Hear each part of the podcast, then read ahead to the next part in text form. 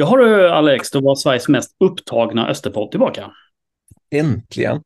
Vad har Mm. du varit eh, senaste tiden, Andreas, egentligen? Eh, jag vet inte vad jag har gjort. Jag, tiden bara rinner iväg. Jag har varit, eh, jag har hälsat på kompisar i Göteborgshållet och lite sånt där. Så att det... Nej, jag, vet, jag, vet, jag har inga ursäkter egentligen. Det är mitt fel i alla fall. Du prioriterar ditt sociala liv över podden. Ja, Eh, har ja, men det man tycker liksom att man ska hinna med. Men sen så gör man det inte helt enkelt. Jag vet inte, jag vet inte varför. Men så är det. Ja, annars är det bra eller? ja, men nu har man ju hämtat sig. Nu är man tillbaka på banan igen. Själv då? Mm, just det, för sist vi poddade så var det precis innan matchen mot Sundsvall. Då, ja.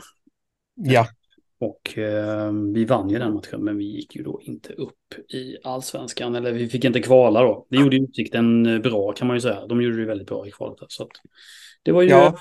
skönt att Öster slapp det. det är fruktansvärt imponerande att vi lyckas ta noll poäng mot ett lag som förlorar med, Nej, jag, jag, jag orkar inte, jag orkar inte. Usch. Så är det, så är det den här säsongen. Eh, jag tänker att vi pratar lite om eh, säsongen som sådan och det som har hänt. Eh, spekulera lite hej vilt i vanlig ordning i den här podden. Och sen har vi ju även en intervju som kommer lite senare. Men ska vi börja där? Varför går inte Öster upp i allsvenskan, tycker du? Det är så många faktorer. Eh, ja, men vi kan ju väl peka på det, det som, som, som alla har påpekat. Eh, individuella misstag under hela säsongen egentligen. Jag har Mm. svårt att se att jag har sett så mycket individuella misstag ja, som jag kan minnas från ett Österlag någonsin som, som det här året. Så även om du vet alla underliggande siffror ser bra ut och det kollektiva spelet ser bra ut så, så är det ju varenda match någon som, som gör någonting eh, fatalt. Ja, det är kanske, det kanske är så enkelt helt enkelt. Ehm, jag funderar lite på, jag satt och jag försökte göra en lista liksom av olika punkter varför jag personligen då tycker vad som inte räckte till i år. Alla de här punkterna går in i varandra och de är lite röriga säkert. Men, men vi kan väl diskutera utifrån de punkterna så får vi se vad du tycker då. Eh, Jag Ja. du är inne på, jag, har, jag är lite mer, pekar ut lite mer specifikt kan man säga. Men eh, punkt ett, varför går inte Öster upp i allsvenskan? Jag, jag har satt, sagt målvakterna. Och jag menar inte då, det känns eh, taskigt att måla ut CLP, men allt har blivit fel i princip då när det gäller målvaktssituationen i Öster 2023. Nämligen värvningarna av målvakterna blev fel. Eh, det blev en massa misstag, eh, framförallt från en av målvakterna. Och vi hade en coach liksom, som fortsatte ta ut den här målvakten som, som gjorde de här misstagen. Alltså, där skulle jag, jag, jag vet att, och, att det, är en, det är en för enkel bild liksom, att bara måla ut målvakterna som, eh, som, som eh, en helhet. Då. Men, men men en av punkterna är definitivt det. Man, man, man, man chansade på målvaktssidan och det gick inte hem. Nej, det, det finns liksom ingenting att tillägga där. Det, det här är ju den eviga diskussionspunkten under i alla fall senare halvan av säsongen. Eh, att vi har en målvakt som gör på tok för eh, mycket eh, misstag. Och liksom inga små misstag. Det är ingen annan i superettan som står för så, så avgörande och så stora misstag. Nej, tyvärr är det ju så. Och eh, där hade man då en backup som man inte riktigt litade på kändes det som. Tills i, absolut när bägaren rann över. Och då fick han stå och gjorde det bra. Liksom. Mm. Så där har man, där har man misslyckats. Liksom. Och då, är, då menar jag liksom från värvning till faktiskt utförande på plan. Det är liksom genomgående ett stort misslyckande. Eh, en annan punkt som jag har är försvarsspelet. Och det menar jag kanske också från värvningar till, eh, som du var inne på, de individuella misstagen. Och de har skett på hela plan. Det är inte bara mittbackar så att säga som har gjort försvarsmisstag. Men en sak som jag tycker eh, har kommit lite i skymundan kanske. Eh, det är värvningen John Stenberg eh, som uppenbarligen var helt otränad och inte i form när han kom. Eh, och man återigen hela ledet värvningen till att hans prestation tills att han blev uttagen också. Va? Alltså hela den här linjen går igenom igen. Då. Och det, det, var inte heller speciellt lyckat kan man säga med tanke på att när han väl kom igång för att han är en bra fotbollsspelare, ja, då stack han till USA. Eh, så det, det, blev, det blev inte alls bra. Eh, och där hade vi ju andra mittbackar som fick flytta runt på positioner eh, som eh, defensiv mitt och högerbacksposition till exempel. Ja, det, det, så, så, är det ju. Eh, Stenberg-värvningen var ju, eh, så i retrospekt, eh, helt onödig eh, värvning. Och det fanns, jag gissar att det fanns otroligt många alternativ som vi hade kunnat ta till oss som hade eh, fått ett bättre utfall. Däremot när man kanske kritiserar eh, det, oftast då det centrala försvaret så skulle jag, eller jag har sagt ganska många gånger att jag tycker att det är eh, sittande mittfält som kanske har, till stora del har varit grunden. Mm. Till det du har varit hattande med positioner där också. Ja, men verkligen. Och det leder oss in egentligen på min tredje punkt, nämligen eh, matchcoaching. Eller coaching är min punkt då på något sätt. Och det, det handlar lite om laguttagningarna och att spelare har spelat på positioner som ja, eh, de inte riktigt kanske har känt sig hemma i. Jag nu bara spekulerar jag givetvis, jag vet ingenting. Men eh, det har känts lite så. Eh, dessutom har, eh, tycker jag, eh, det har fegats lite i laguttagningarna när det gäller ehm, ja, men, eh, spelare som kanske inte har spelat, har spelat om och om igen. Till exempel Koso det här året då, som vi båda tycker om väldigt mycket, men han har ju liksom inte levererat eh, i år. Och han, men han har liksom fått förtroendet eh, gång på gång på gång. Liksom. Så där tror jag liksom en, det är en tredje eh, faktor liksom som har varit avgörande för att varför vi inte spelar i allsvenskan. Mm. Sen är det klart att, eh, eller om man bara, det, som, det har inte riktigt funnits en fingertoppskänsla, liksom, tycker jag, bland, i coachingen, matchcoachningen och, och laguttagningen. Jag, jag vet inte om det är därför Tuffa får lämna på sikt. Vi kan, vi kan prata mer om det senare, men det, det, är någonstans där. Så det är liksom de tre punkterna jag tycker är, är helt klart tydligast.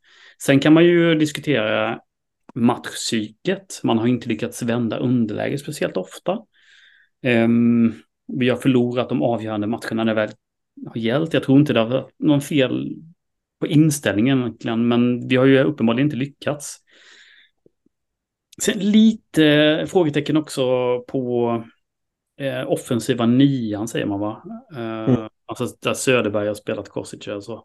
Det här har inte riktigt heller fallit så väl ut. Nej, vi har inte hittat en roll för den positionen riktigt som, som eh, lirar med sättet vi spelar anfallsfotboll eh, på. Liksom.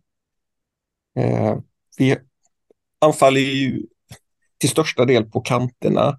Det är inte så att vi har spelare som ligger på rulle och sticker i djupled centralt särskilt mycket.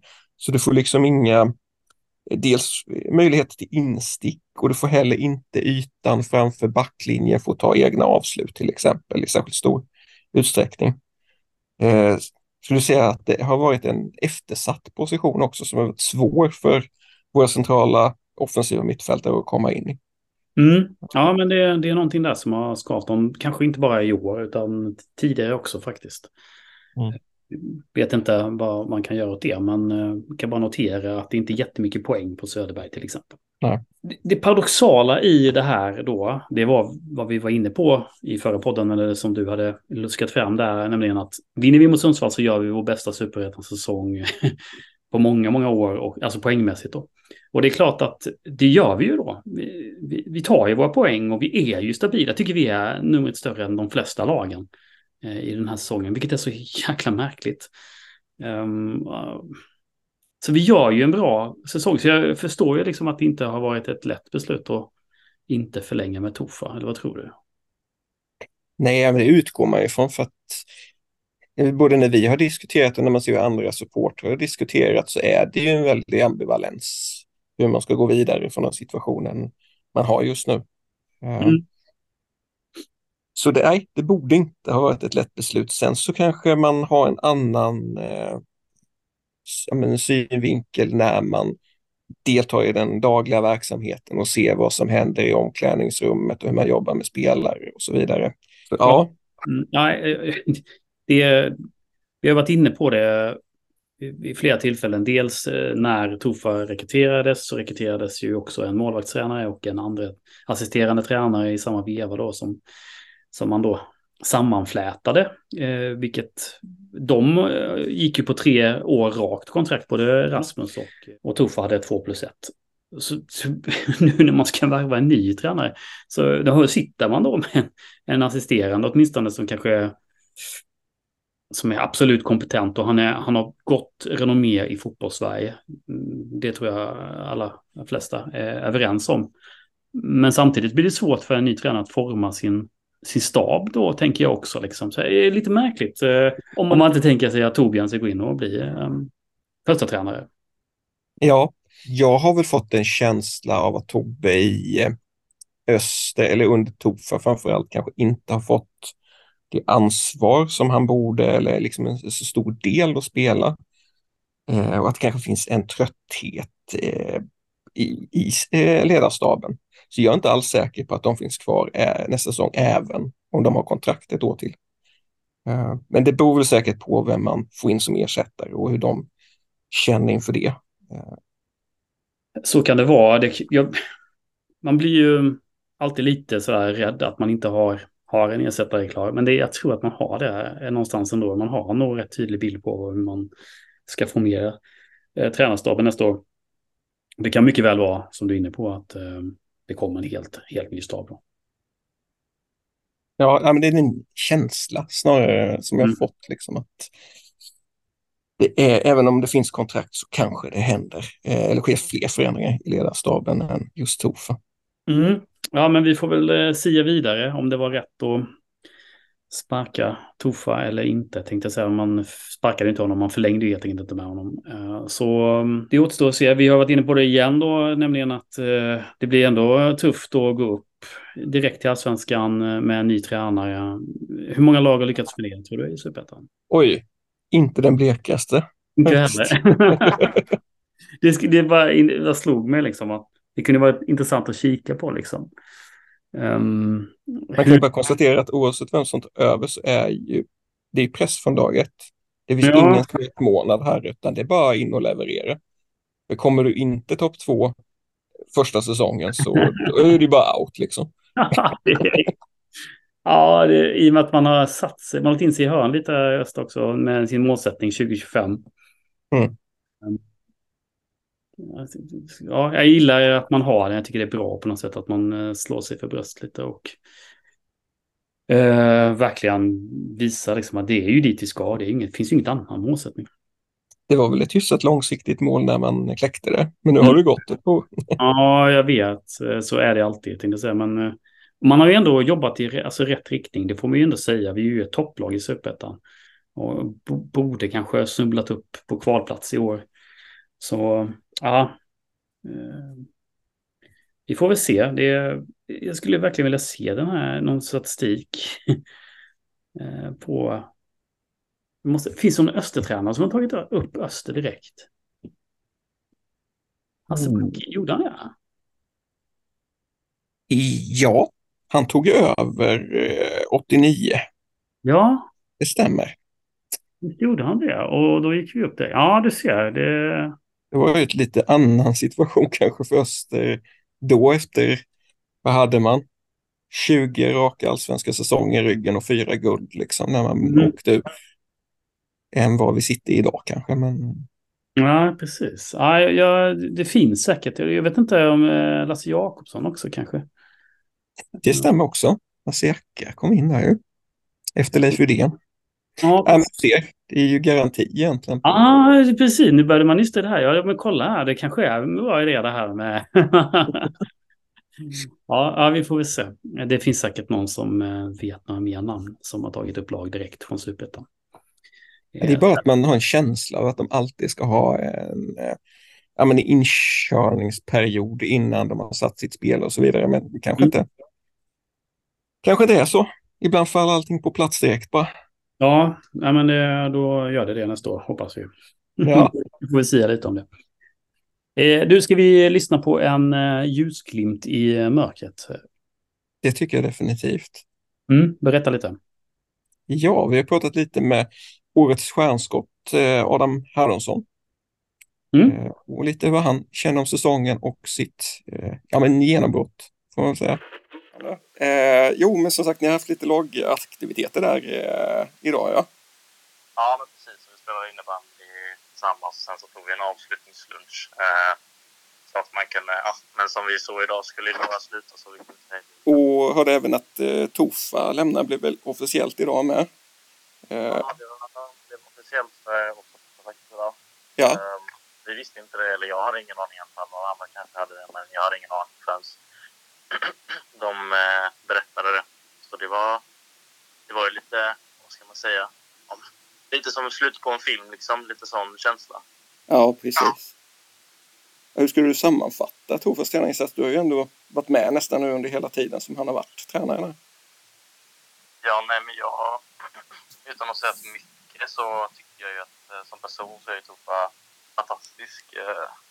Alltså han eh, har nog aldrig träffat någon som är så passionerad eh, inom fotbollen som han är och man märker verkligen att eh, han brinner för det gör, han gör. Och det smittar sig över på oss spelare också såklart. Ja. Um, sen har det ju gått, ja, Öster har väl varit ett litet så här, det har blivit lite superettan de senaste åren och han har ändå fått eh, Öster stadga sig uppe i toppen. Så det som eh, Vito sa utåt och som han sa till oss också att um, han ska känna sig stolt när han går härifrån Tuffa ändå över sina prestationer. Ja. Vilket jag tycker också. Ja, men precis. Ja, men för egen del har det varit en riktigt så här genombrottssäsong för dig. Eh, vad säger du om din egen insats eh, den här säsongen? Nej, men det... Självklart så är det ju bättre än vad... Eller jag uppnådde ju mer än vad jag trodde jag skulle göra i säsongen. Det kan jag ju, det kan jag ju väl säga liksom. Ja. Man är oftast eh, optimistisk när säsongen ska börja och man tror ju alltid på sig själv. Men eh, jag hade väl kanske inte haft så stort självförtroende att säga att jag skulle spela alla matcher jag var tillgänglig i år.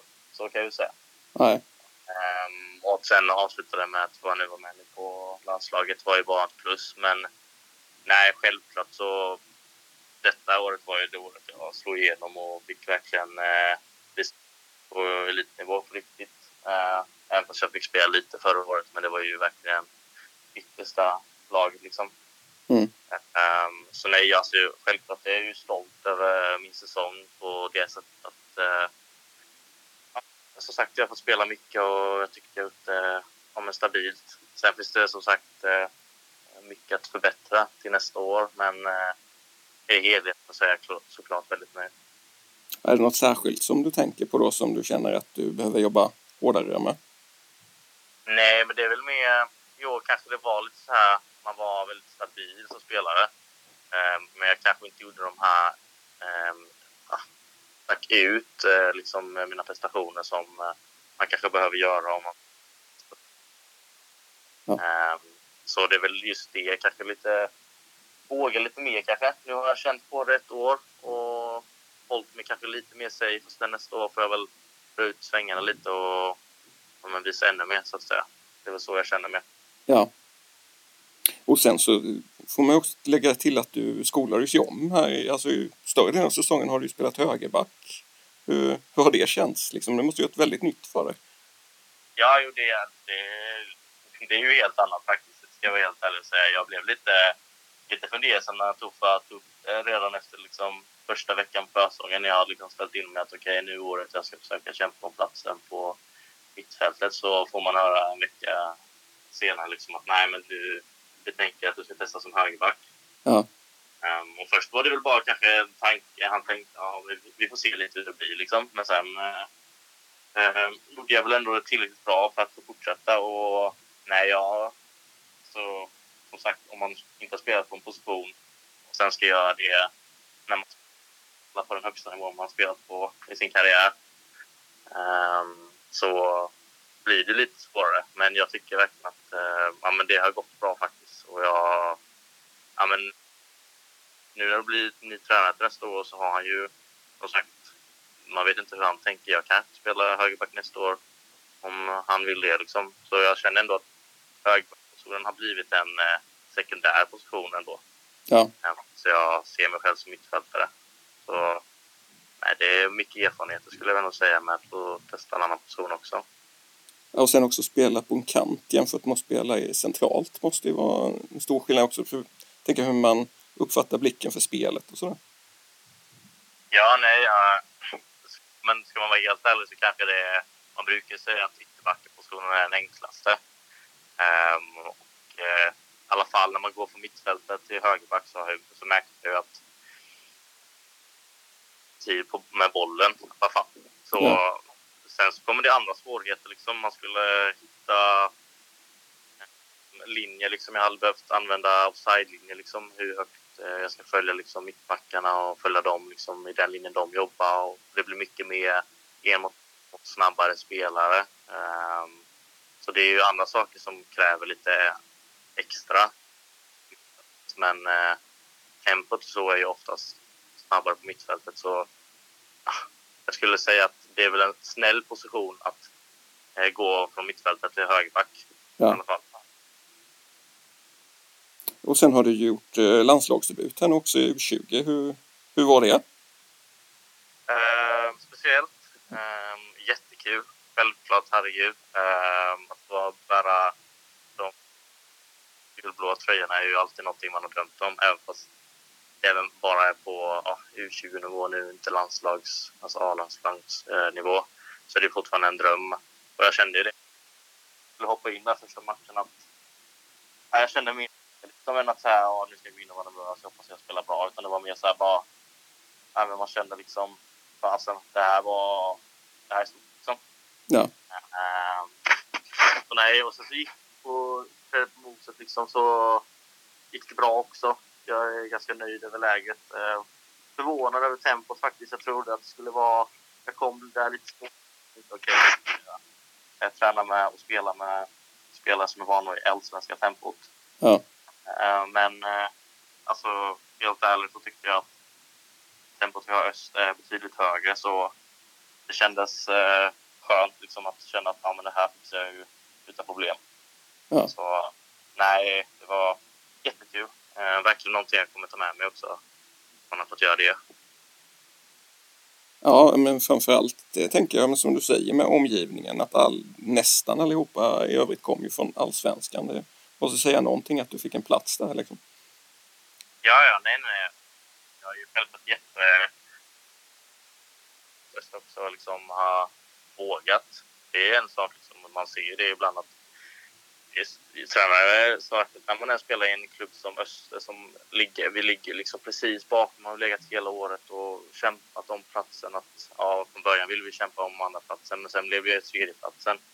Och då är det ju så som tränare att då måste du spela det bästa laget. Mm. Um, ibland, vissa tränare kan vara lite och köra lite säkrare och ta en spelare som har spelat 200 elitmatcher liksom. Men eh, så därför är jag självklart tacka tränare och ledarstaben att de har trott på mig så att jag har eh, fått chansen att spela så mycket. Eh, jag tror det är en av anledningarna varför de... Eh, också för att kollar man på spelarna som är med i truppen så spelar de ju i ett bättre eller högre rankade lag. Men de har inte spelat alls lika mycket som eh, jag har gjort i år. Så det är ju en av anledningarna varför jag tror de tog med mig också. Ja. Om vi kikar på uh, Superettan-säsongen nu då som har gått så slutar ju Öster på en fjärde plats här. Uh, hur skulle du sammanfatta säsongen för, för lagets del? Ja, så tyvärr så får jag, alltså jag skulle väl sätta en, om man sätter 1 till 5 eller 1 till 10 så skulle jag väl sätta en femma, eh, sexa kanske. Mm. Eh, vi tar ju visserligen sex poäng mer än förra året.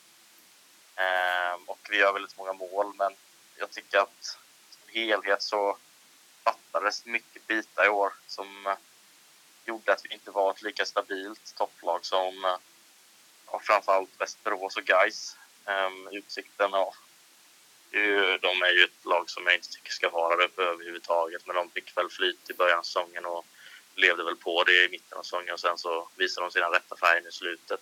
Mm. Um, men eh, nej, jag tycker inte vi var tillräckligt stabila över 30 matcher. Och man brukar säga det att en serie ljuger aldrig. Um, ligger man fyra efter 30 matcher då antagligen så är man fjärde bästa laget. Och det räcker ju inte för att uh, gå upp i allsvenskan som vi alla vet. För då hade vi troligen stått här och haft, uh, varit mycket mer gladare uh, än vad vi är nu. Um, så jag tycker att det fanns flera olika bitar som inte riktigt funkade hundraprocentigt i år och det var väl därför vi inte... Så det är ju lite, lite vemodig säsong skulle jag ändå påstå efter um, att vi just kommer fyra och ett, en poäng bakom kvalplatsen. Ja, ja, det förstår jag. Men du ser om det är lite olika bitar då som, som saknas i år. Är det några som, som du kommer på så här på rak arm som ni känner att det här måste vi verkligen förbättra inför nästa år om vi ska ta steget? Ja, men framför allt så skulle jag väl ändå påstå att det är väl att täppa igen eh, bakåt. Mm. Um, alltså man brukar ju säga att anfall vinner matcher och försvar vinner titlar. Um, och det blev ganska tydligt i år för oss i Öster liksom att vissa matcher så vinner vi med, gör vi fem mål och då vinner vi matchen. Men eh, vissa matcher gör vi också tre mål eller två mål men vi förlorar eller gör lika matchen. Mm. Um, och visst, jag kan tänka mig att många supportrar säkert hade roligt på vissa matcher när vi gjorde så många mål och fick se många mål. Det är väl alltid det man vill när man kollar på matcher. Men eh, som eh, Västerås visar på en väldigt stark defensiv, vinner tyvärr fler matcher och eh, tar till slut segern i, i Superettan. Så jag tror att fram, framförallt måste vi täppa till där bak. Ehm, om det så blir bekostnad på lite fler mål framåt. För som sagt, jag tror att ett försvar vinner nog mer än eh, ett eh, bra anfall. Ehm, tyvärr, vilket man tycker är lite tråkigt. Eh, man vill alltid att anfallsfotbollen ska vara positiva och det är det man vill se mest av. Men ja, jag tror det är det som är största delen. Sen som ehm, man har varit mycket inne på så är det såklart individuella misstag som har varit lite för mycket. Mm. Um, och det är väldigt svårt att utvärdera när, med individuella misstag tycker jag själv i alla fall. Att det är ju ingen tränares fel att folk eh, gör, eller spelare inte gör det de ska utan misslyckas i någon eh, aktion, vilket vi alla kan göra eftersom vi är människor. Men mm. det är ju inget eh, en ledarskap kan göra någonting åt, vad jag tror i alla fall. Nej. Um, och det, så det är ju en tuff grej, liksom, att man ska liksom, sitta efter säsong och fortfarande tycka att ah, men vi gjorde lite för många individuella misstag. Det är svårt att utvärdera det, och, men tyvärr så var det en stor faktor mm. för året också. Eh, varför det inte gick hela vägen, eh, tror jag.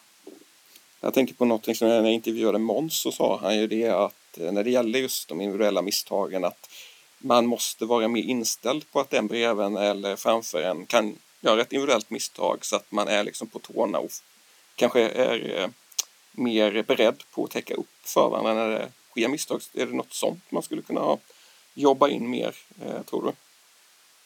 Mm. Alltså det, det har han helt rätt i. Det har vi snackat mycket också om att eh, vi måste vara beredda på eh, när individuella misstag händer. Vi vet att vi spelar inte Manchester City. Vi kommer inte sätta varenda passningar när vi ändå ett lag som inte är som Utsikten och slå långt varenda gång. Eh, och då måste vi kunna vara beredda och även fast man självklart ska ha självförtroende på sina medkamrater och lita på dem, att de är duktiga, eh, så måste man även vara med på ibland att det kan ske sådana grejer. Mm. Och, och, varför vi inte har varit det eh, kan inte jag riktigt svara på. Eh, kanske har någonting med att göra att eh, vi inte är 100% påkopplade i vissa situationer eller att är någonting i laget som kanske inte har funkat sammanhållningen så, även fast jag själv inte tycker det. Mm. Det, det, finns säkert någon lättare förklaring, men jag kan inte svara på varför. Men självklart så är det ju en sak som är sant. Samtidigt som om, när det blir försvarslinjen eller så är det väldigt svårt också för någon att reparera när det bara är eh, så få spelare där bak kvar. Ja. Eh, men eh, nej, det är väl säkerligen någonting man får utvärdera nu eh, som ledarstab och se vad det är som man kan göra bättre åt det. För det finns säkert någon, eh, något man kan göra åt det, men jag är inte kapabel för att veta det ännu. Nej, tur att andra har det, det jobbet. Ja, men precis. Det känns lite så. Eh, tänkte kolla om vi går tillbaka i tiden lite. Var, var växte du upp någonstans? Uh, jag växte faktiskt upp uh, i uh, där jag är just nu faktiskt. Okej. Okay. jag sitter just nu i en, ett pojkrum i Ljungby. Ja. Och det är här jag är uppväxt också. sen barnsben. Jag bodde, vi bodde första tre åren faktiskt på Holmsö. hos vår morfar. Ja. Under året det var, uh, vad hette den stormen? Ja, Gudrun eller? Ja. Mm. Så det verkade ju vara ett helvete också för jag förstod av mina föräldrar att bo där ute på landet då. Ja. Uh, men nej, men jag är uppväxt här i sen, ja, och bott här egentligen sen jag flyttade ett tag under gymnasiet till Växjö. Um, så har jag bott här och är det Ljungby IF som är moderföreningen då eller? Ja, ja det är precis. Jag spelade i Ljungby tills jag var 14 tror jag. Ja. Sen eh, så gick jag faktiskt till eh, IFK Värnamo. Värnamo spelade ett och ett halvt och sen så valde jag Östers IF till gymnasiet på Växjö. Ja. Så det var det så det har sett ut. Hur kom det sig att det blev eh, fotboll för dig då? Nej men det är, det är som oftast tror jag det gå genom familjen. Eh, morsan spelade i, eh, men ganska högt upp eh, i seriesystemet. Eh, jag tror hon spelade i näst, näst högsta serien eh, i damer. Mm. Eh, och sen farsan har alltid spelat fotboll också. Eh, fast han spelade på betydligt lägre nivå, även fast han var duktig eh, ungdomsspelare vad jag hörde. Och av vår faktiskt, eh, vår, vet du vem Jens är? Jensa? Han är vår materialare. Ja då. Ja. ja. Ja, de är ju från samma stad och okay. jag fick höra mycket av Jensa att, att han tyckte att eh, farsan var en duktig fotbollsspelare i alla fall. För han var med och kollade mycket på matcherna och följde med dem. Uh, så nej, men det och sen stora syrran också spelat fotboll hela livet. Så nej, det jag tror det är en familjegrej liksom. Ja. Har du pysslat med några andra sporter eller? Oh, ja. Uh, friidrott, innebandy, pingis. Uh, och det är löpning liksom. Uh, det är mycket olika. Och det var ingen av dem som liksom konkurrerade om att bli första sport eller? Nej, nej verkligen inte. Jag har verkligen varit uh, fotboll sedan dag ett. och inte funnits något annat alternativ faktiskt. När kände du att det fanns en möjlighet för dig att bli, ja men fast jag kan nog bli professionell fotbollsspelare? Ja, alltså man har alltid trott det när man var liten. Ja. Eh, men det har väl, och det går väl från att man alltid drömmer, man har alltid haft en dröm liksom att ja, men, jag kommer bli så, så bra liksom. Men då vet man ju inte riktigt vad som krävs för att eh, nå dit heller. Nej. Um, och jag har alltid haft eh, ändå lite kritiska föräldrar som alltid har sagt att Nej, men det är väldigt svårt att eh, bli fotbollsproffs. Du eh, satsar på skolan mer än vad du satsar på fotboll. Liksom. Ja. Eh, um, så jag har tagit skolan väldigt seriöst, men samtidigt så har jag vetat att eh, fotbollen är verkligen nummer ett.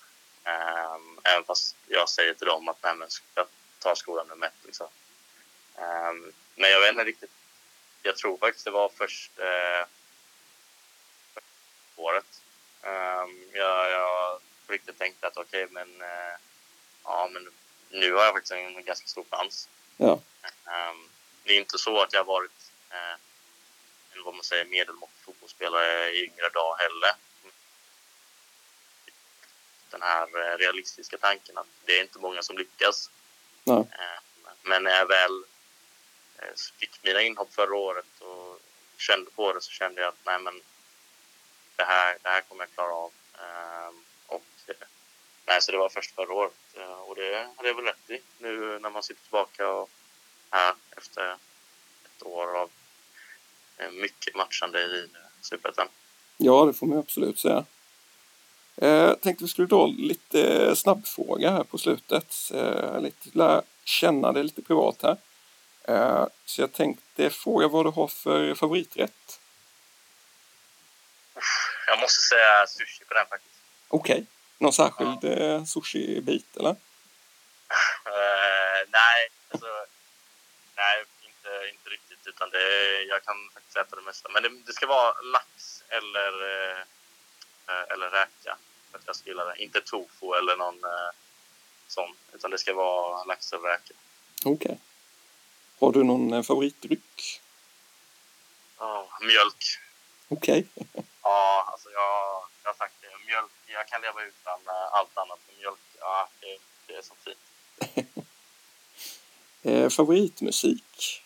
Någon genre eller band eller artist? Sådär? Alltså, allting. Eh, jag kan lyssna på allting från eh, eh Taylor Swift till eh, ja, men de nya hitsen nu till hiphop till eh, gamla dängor. Så nej, alltså jag är väldigt, eh, väldigt frispråkig när det kommer till musiken och kan lyssna på allt möjligt faktiskt. Ja, vad är det som rullar just nu eh, mest då? Uff, ja men börjat in lite på julmusiken. Okej. Okay. Eh, ja, den har börjat rulla lite. Men samtidigt så, och så mycket bättre rullar nu också som jag brukar kolla på.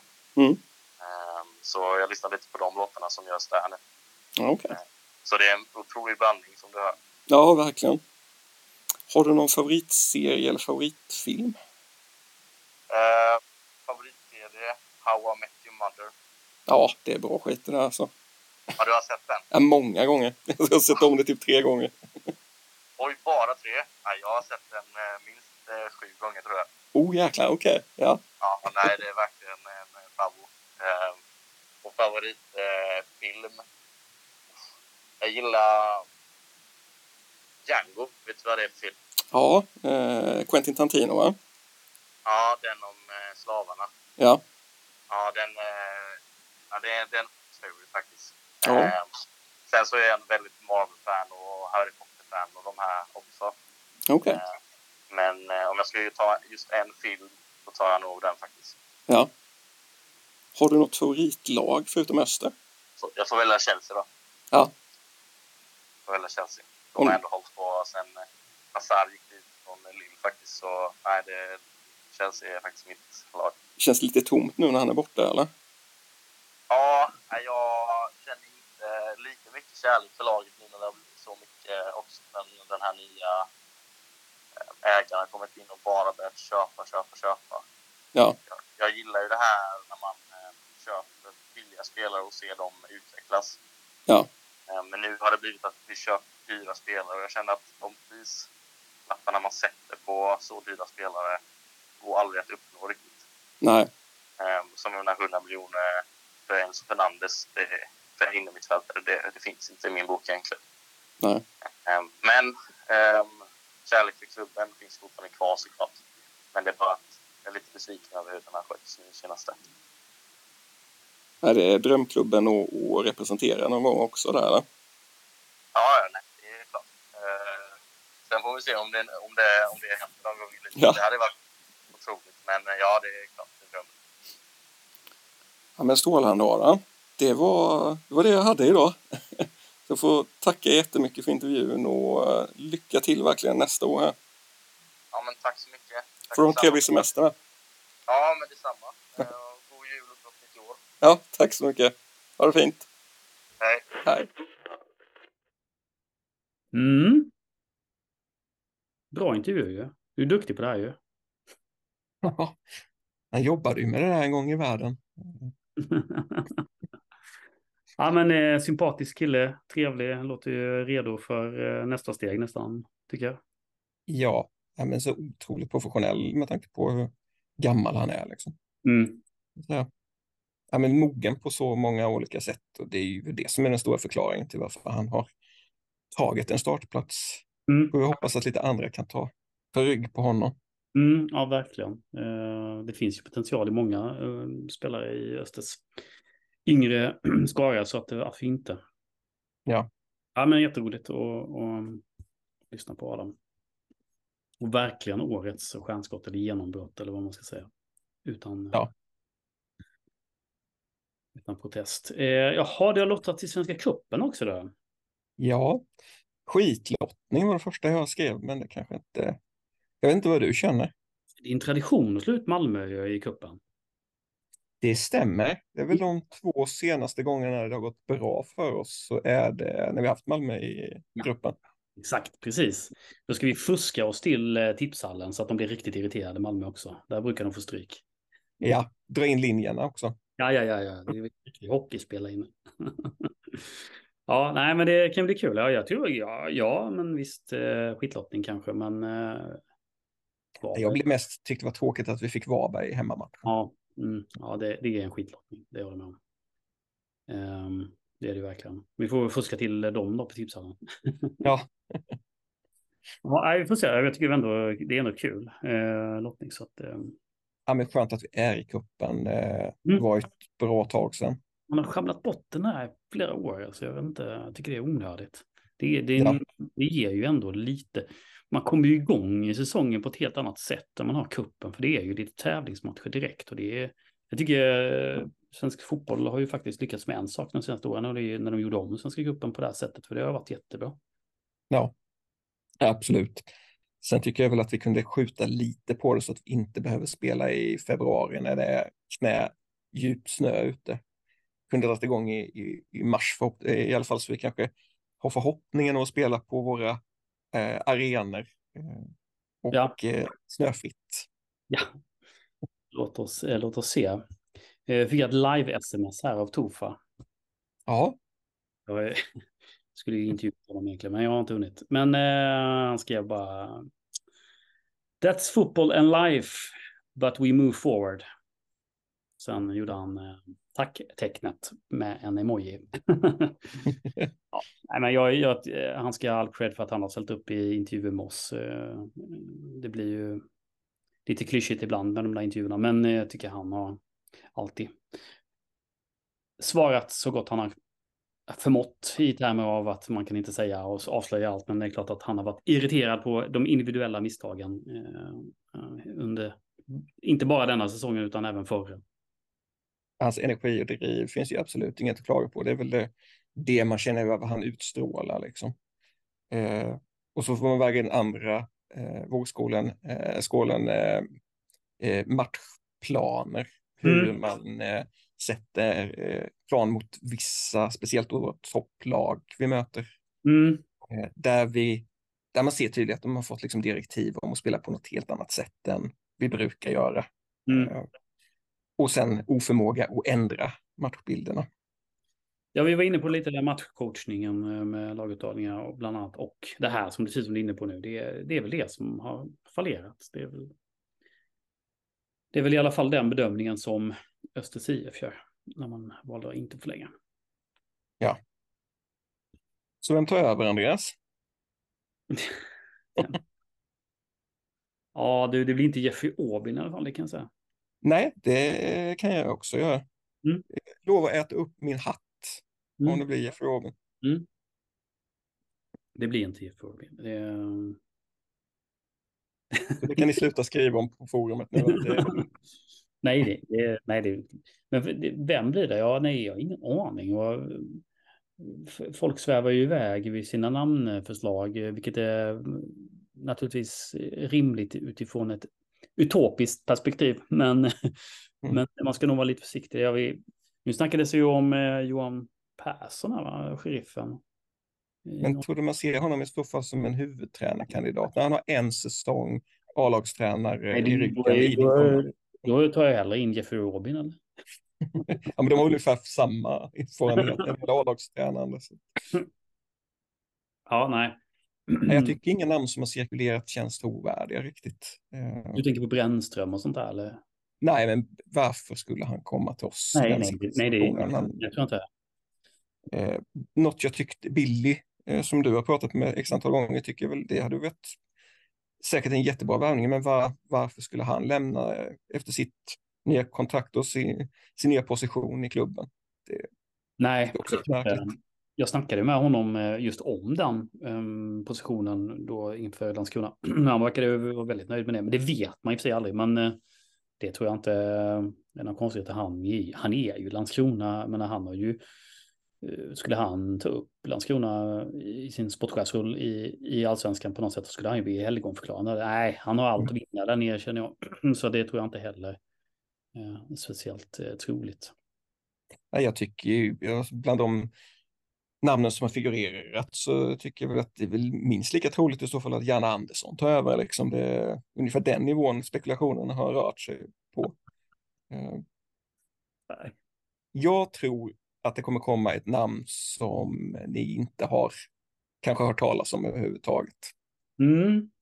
Och kanske inte från Sverige. Okej, okay, ja, det, det kanske blir som en, ja, kanske. Um... Pekkas farfar kom in och... Nej, Pekka själv tänkte jag. Mm. Omplacerad. Omplacerad. Nej, um, det var ju spännande. Du tror inte att de lämnar det här utlandsspåret nu då? Med? Det finns ju fler utlandsspår än eh, Serbien även, och Island, och, eh, även om man inte kan tro det. Inte för Vito verkar det som. Det är mycket Serbien och, och Island där. Um, jag vet inte. Danmark har ju varit tätt på eh, sistone och plockat tränare från. Man skulle kunna tänka så här. De här namnen som Värnamo har tagit in de tre senaste säsongerna. Var det något namn du kände igen? Nej. Nej, exakt. Precis. Så du kanske är inne på någonting här. Att det kanske finns någon assisterande tränare i Norrköping eller någonting som, um, som är the next thing. Varför inte? Ja, ja Norrköpings tränare kanske. Såg en intervju med honom att han eh, var väldigt missnöjd över att han fick betala 100 kronor för ölen uppe i loungen efter matchen. Det är billigare här. Så. Jag bjuder han på en öl. ja. Ja, okej. Okay. Mm. Rätt rimlig reaktion i sig när man är huvudtränare för Norrköping. Ja, ja. Det ska vara gratis. Ja, det är klart det ska. Jaha, nej. Mm. Uh, nej, jag vet inte. Jag har faktiskt inte funderat så mycket över den frågan utan jag har blivit överraskad för uh, hoppas nästan jag blir det igen. Mm både vi, värvningen av Vito och Tofa var ju två, den, den såg man inte ens, den såg man inte komma någonstans. De... Nej, alltså Vito hade jag ändå hört talas om. Tofa hade man ju inte den blekaste om vad det var för, för kille man har hittat liksom. Nej. Och det var ju, alltså det är en, det är en bra coach liksom, men eh, han mm. Misslyckades ju med att ta upp oss i allsvenskan. Nej, vi får se. Det... Ja, spännande. Ja, Verkligen. Hänt en del på, på spelarfronten också ju. Ja, men det var ju, det gick vi igenom sist också. Det, det var, var, ju precis de vi tänkte ja. att de skulle inte ja, vi, kvar. Vi bockade av uh, alla där i princip. Det är väl bara några jag tycker som man ska skeppa uh, omgående. Men det några till? Ja. Mm. Sen får vi väl se då liksom. Uh, JV känns ju körd. Tycker du jag känner att mitt hopp, mina förhoppningar har, har växt och bland de spelare som man verkligen, verkligen vill ha kvar så tror jag att han ligger närmst till hans. Jag tror att det handlar mycket om vad är klubben beredda att betala. Mm. Energigivet sitter här och skrattar när han hör det här, men eh, jag tror att det är han som är närmst av våra nyckelspelare som vi behöver förlänga med. Mm. Ja, det var ju jag tror att eh, Givo har fått kontraktförslag. Rodic har nog fått det också. Mm. Eh, och eh, Ishak har också fått ett eh, kontraktförslag. Det är jag helt övertygad om. Ja, ja, definitivt. Det, det, det är ju känsligt att inte ge dem. Mm. Eh, det har man ju bara. Men det är klart att de sitter ju, de sitter ju lugnt i båten. Jag menar då. Eh, Rodic har ju också jättemånga erbjudanden tror jag. Eh, så att det, men någonstans måste ju Öster välja väg, så är det ju också. Man kan ju liksom inte dra ut på det allt för länge. Men eh, vi får väl se. Nej, jag tror att de tre spelarna här som du nämner, det är ju extremt avgörande för utfallet på nästa säsong. Hur många av de här får vi behålla? Ja, men alltså, eh, det ska bli otroligt spännande. Jag hoppas nästan lite, vi ska väl försöka köra vårt eh, uppesittarkväll eh, avsnitt även i år. Eh, det ska bli kul om vi vet lite mer liksom och spekulera och göra de här tipsen och så. Ehm, mm. För det, det, det är precis som du säger väldigt, väldigt avgörande här vad, vilka vi får behålla och sådär. Ja, och apropå tips, hade du sett någonting i Aftonbladet idag? Ja, deras kamikaze-tips för årets superetta har kommit ut. Mm. Och Jinx, vi är etta. Alltså hur...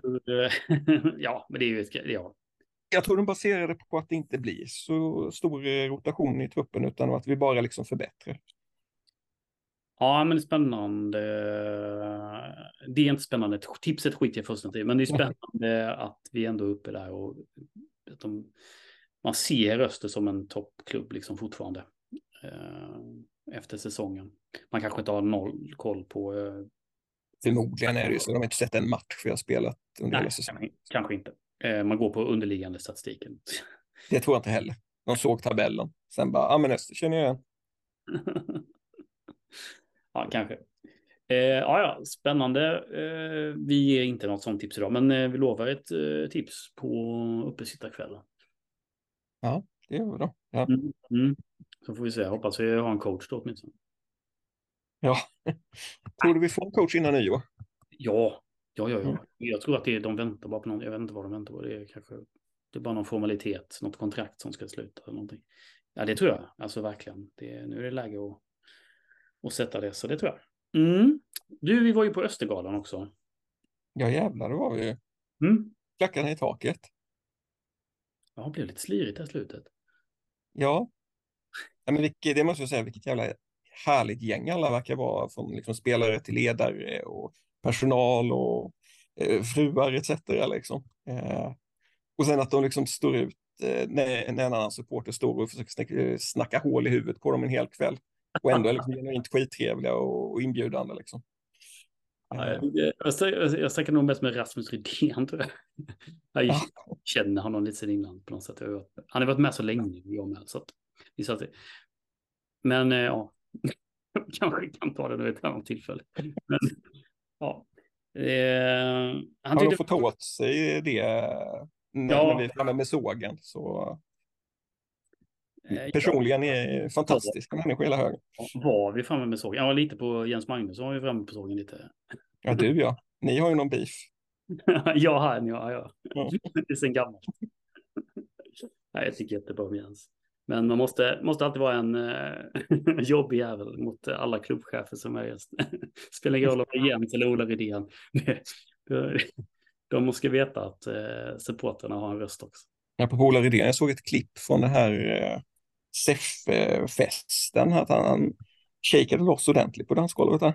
Ja, det gillar jag. Det är, för er som inte vet om det är så är det en gammal klubbchef i Öster. då. Mm. Det gjorde han rätt i. Jaha, um, Isfrontnytt. Mm.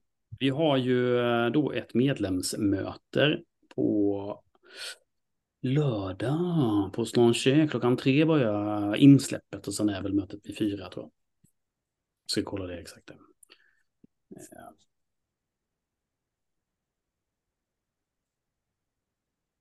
Uh, nej, okej, 15.30 börjar omröstningen då om Eh, våra medlemmar vill stå på den övre sektionen eller på den nedre sektionen. Det här har ju blivit kanske en lite större fråga än vad det behövde vara. Men jag, ska förklara, jag kan förklara varför det har blivit en stor fråga ehm, och varför vi ville att våra medlemmar ska rösta. För att när Öster för, ja, egentligen när Jens kom tillbaka till klubben, började prata om nedre eh, stå, så var det ju flera av våra medlemmar som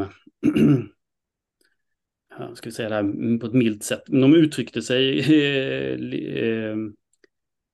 eh, eh, de uttryckte sig att de, de till exempel inte skulle vilja gå på Öster igen. Då.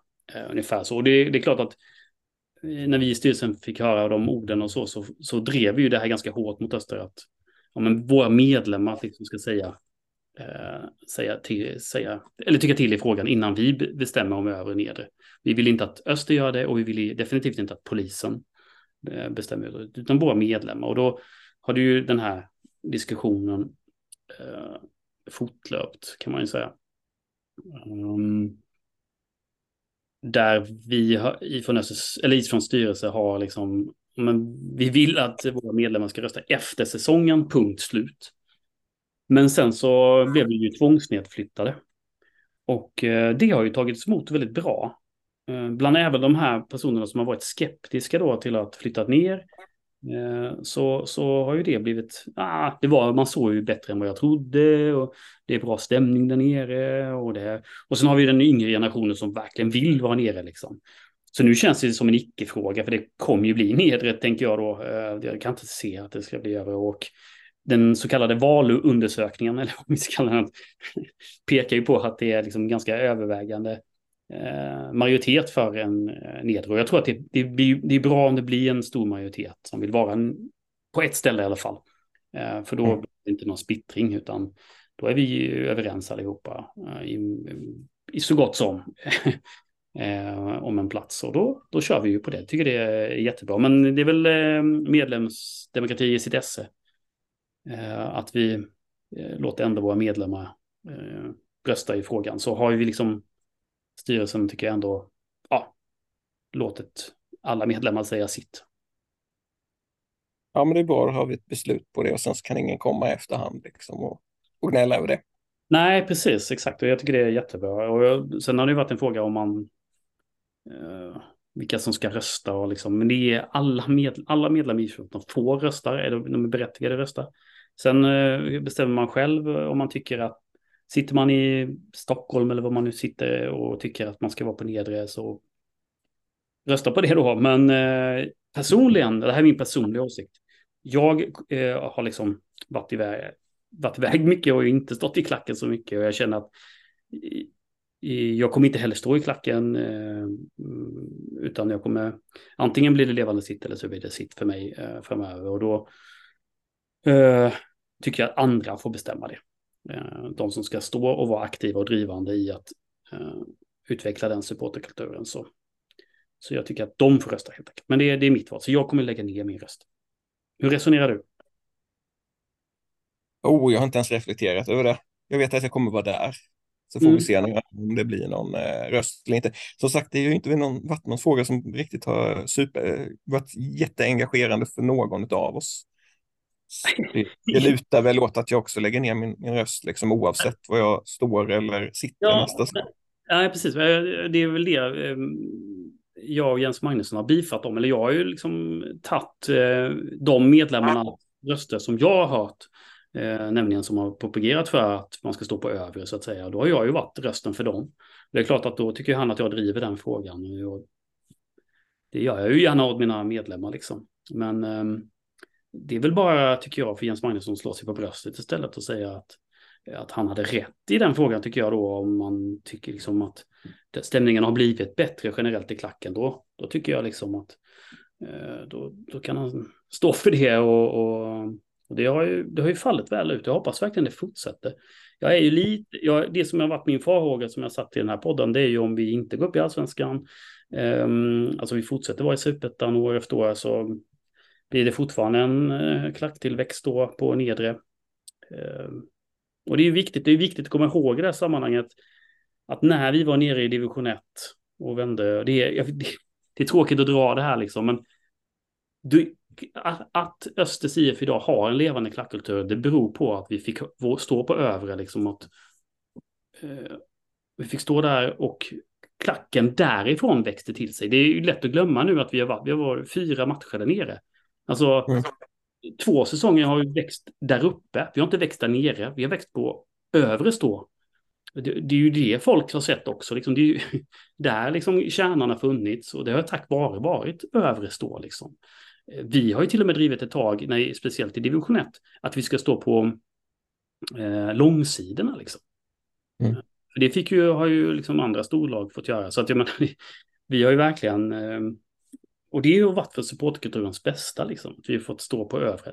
Men det betyder ju inte att det är framåt är kanske bättre att vi står på nedre och utvecklas därifrån. Det är inget att snacka om, men man måste komma ihåg historien var, varför det överhuvudtaget är en fråga för våra medlemmar det är inte så lätt som att det är mycket bättre på nedre, utan det har varit en lång jävla ökenvandring eh, med det här laget, där övre stå har delvis räddat supporterkulturen i, i Växjö då, på fotbollssidan. Så, ja men eh, kul på lördag. Du, du har utlovat en jävla livepodd, vad är detta? ja, i ett svagt ögonblick så sa du ju att det var, det kan vi väl göra. Kan inte vara nykter då. Det var jag nog inte faktiskt. Nej. ja, min av det. Ja, ja men som sagt, eh, om vi ändå ska ses liksom och Mm. eh, hitta på någonting nere på Slanche så tänkte jag att fan, det Mm. var kul med en liten livepodd. Mm. Med, få ner lite ledare, spelare, för detta spelare. Vi, vi vet ju inte riktigt hur line-upen ser ut än, eh, ska vi vara helt ärliga med. Ja, vi, det får ni se. Det får ni se på lördag, var det slutar någonstans. ja, okej. Ja, men eh, har du kontaktat någon eller? Ja, Ja. fast frågan är ju de jag har varit i kontakt med, om de har varit i nyktert tillstånd då. Jag för mig att detta Jag skedde. behöver nog en bekräftelse. Alltså det. det, detta tror jag, nu, nu, nu när jag tänker efter, så detta skedde ju på Östergalan va? Det Mm. var ju då alla de här samtalen fördes. Du, du, Kan vara så. här måste du styra upp. Ja, lite Ja, det. jag har faktiskt också lite eh, officiella kanaler jag fiskat i. Så jag behöver väl mer, eh, lite bekräftelse på lite saker. Men Det live, kanske slutar med att det bara blir du och jag och sen så får väl typ Marcus Malmström komma upp och köpa lite. men du, livepodd i det här fallet så betyder inte någon livestreaming utan det är, vi, vi kör nere liksom. Precis, är man där så får man se oss live, annars får man höra oss i efterhand. Mm. Okej. Ja, det låter ju eh, bra. ja, spännande. Vi får väl se hur det går då. Eh, nej, men då ses vi på lördag ju. Ja, men det gör vi. Mm. Fan vad nice. Puss! Puss!